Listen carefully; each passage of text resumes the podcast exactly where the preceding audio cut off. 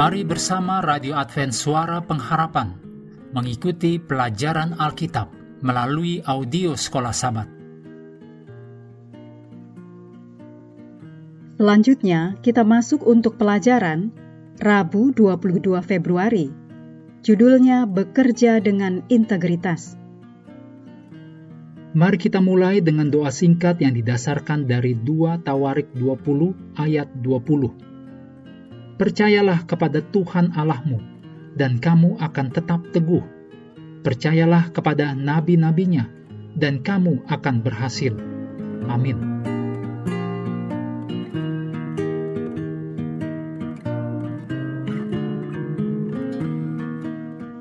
Fase yang lain dari sebuah kehidupan yang berhasil adalah fase terakhir yang dapat menjadi yang paling menyenangkan jika keputusan-keputusan pada awal kehidupan sudah bijaksana dan tidak dihancurkan oleh peristiwa-peristiwa yang tidak diharapkan. Dalam satu situasi ideal, para orang tua telah memelihara anak-anak mereka untuk menjadi orang-orang dewasa yang berdiri sendiri. Rumah telah dilunasi, kebutuhan-kebutuhan transportasi telah terpenuhi, tidak ada lagi utang, dan ada aliran pendapatan yang cukup untuk memenuhi kebutuhan anggota keluarga saat lanjut usia. Allah memanggil anak-anaknya pada standar yang lebih tinggi dalam pekerjaan dan kehidupan.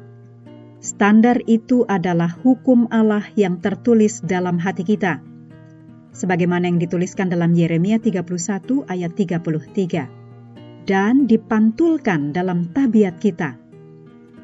Ketika terjadi pergeseran di masyarakat dan ajaran Kristen dilemahkan serta direndahkan, menjadi semakin penting bagi orang-orang Kristen untuk hidup dan bekerja pada tingkat yang tidak tercela. Kitab suci mengatakan, nama baik lebih berharga daripada kekayaan besar, dikasihi orang lebih baik daripada perak dan emas.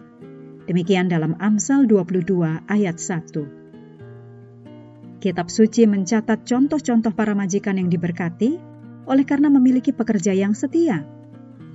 Ketika Yakub ingin meninggalkan mertuanya, yaitu Laban, dan kembali bersama istrinya ke tempat kelahirannya, Laban memohon kepada Yakub untuk tidak pergi dengan mengatakan, "Sekiranya aku mendapat kasihmu, telah nyata kepadaku bahwa Tuhan memberkati aku karena engkau.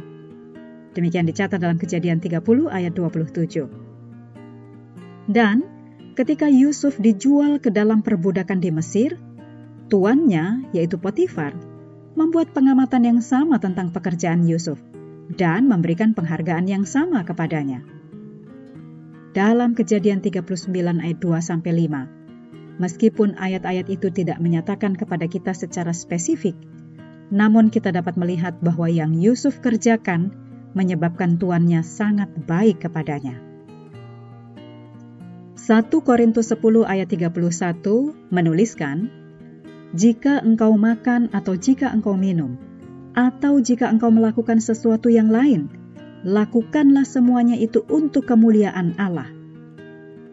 Jadi, dalam pekerjaan kita dan pengaturan keuangan, serta apa saja yang kita lakukan, kita harus melakukannya untuk kemuliaan Allah. Allah adalah oknum yang memberikan kepada kita pengetahuan dan kekuatan untuk sukses dalam kehidupan. 1 Tawarikh 29 ayat 11 dan 12 menuliskan, Ya Tuhan, punya mulah kebesaran dan kejayaan, kehormatan, kemasyuran, dan keagungan, Ya, segala-galanya yang ada di langit dan di bumi. Ya Tuhan, punya mulah kerajaan, dan Engkau yang tertinggi itu melebihi segala-galanya sebagai kepala. Sebab kekayaan dan kemuliaan berasal daripadamu, dan Engkaulah yang berkuasa atas segala-galanya. Dalam tanganmulah kekuatan dan kejayaan, dalam tanganmulah kuasa membesarkan dan mengokohkan segala-galanya sementara mengikuti prinsip-prinsip bukan hanya dalam pekerjaan, tapi dalam hidup secara umum. Renungkan perubahan apa saja yang perlu kita lakukan.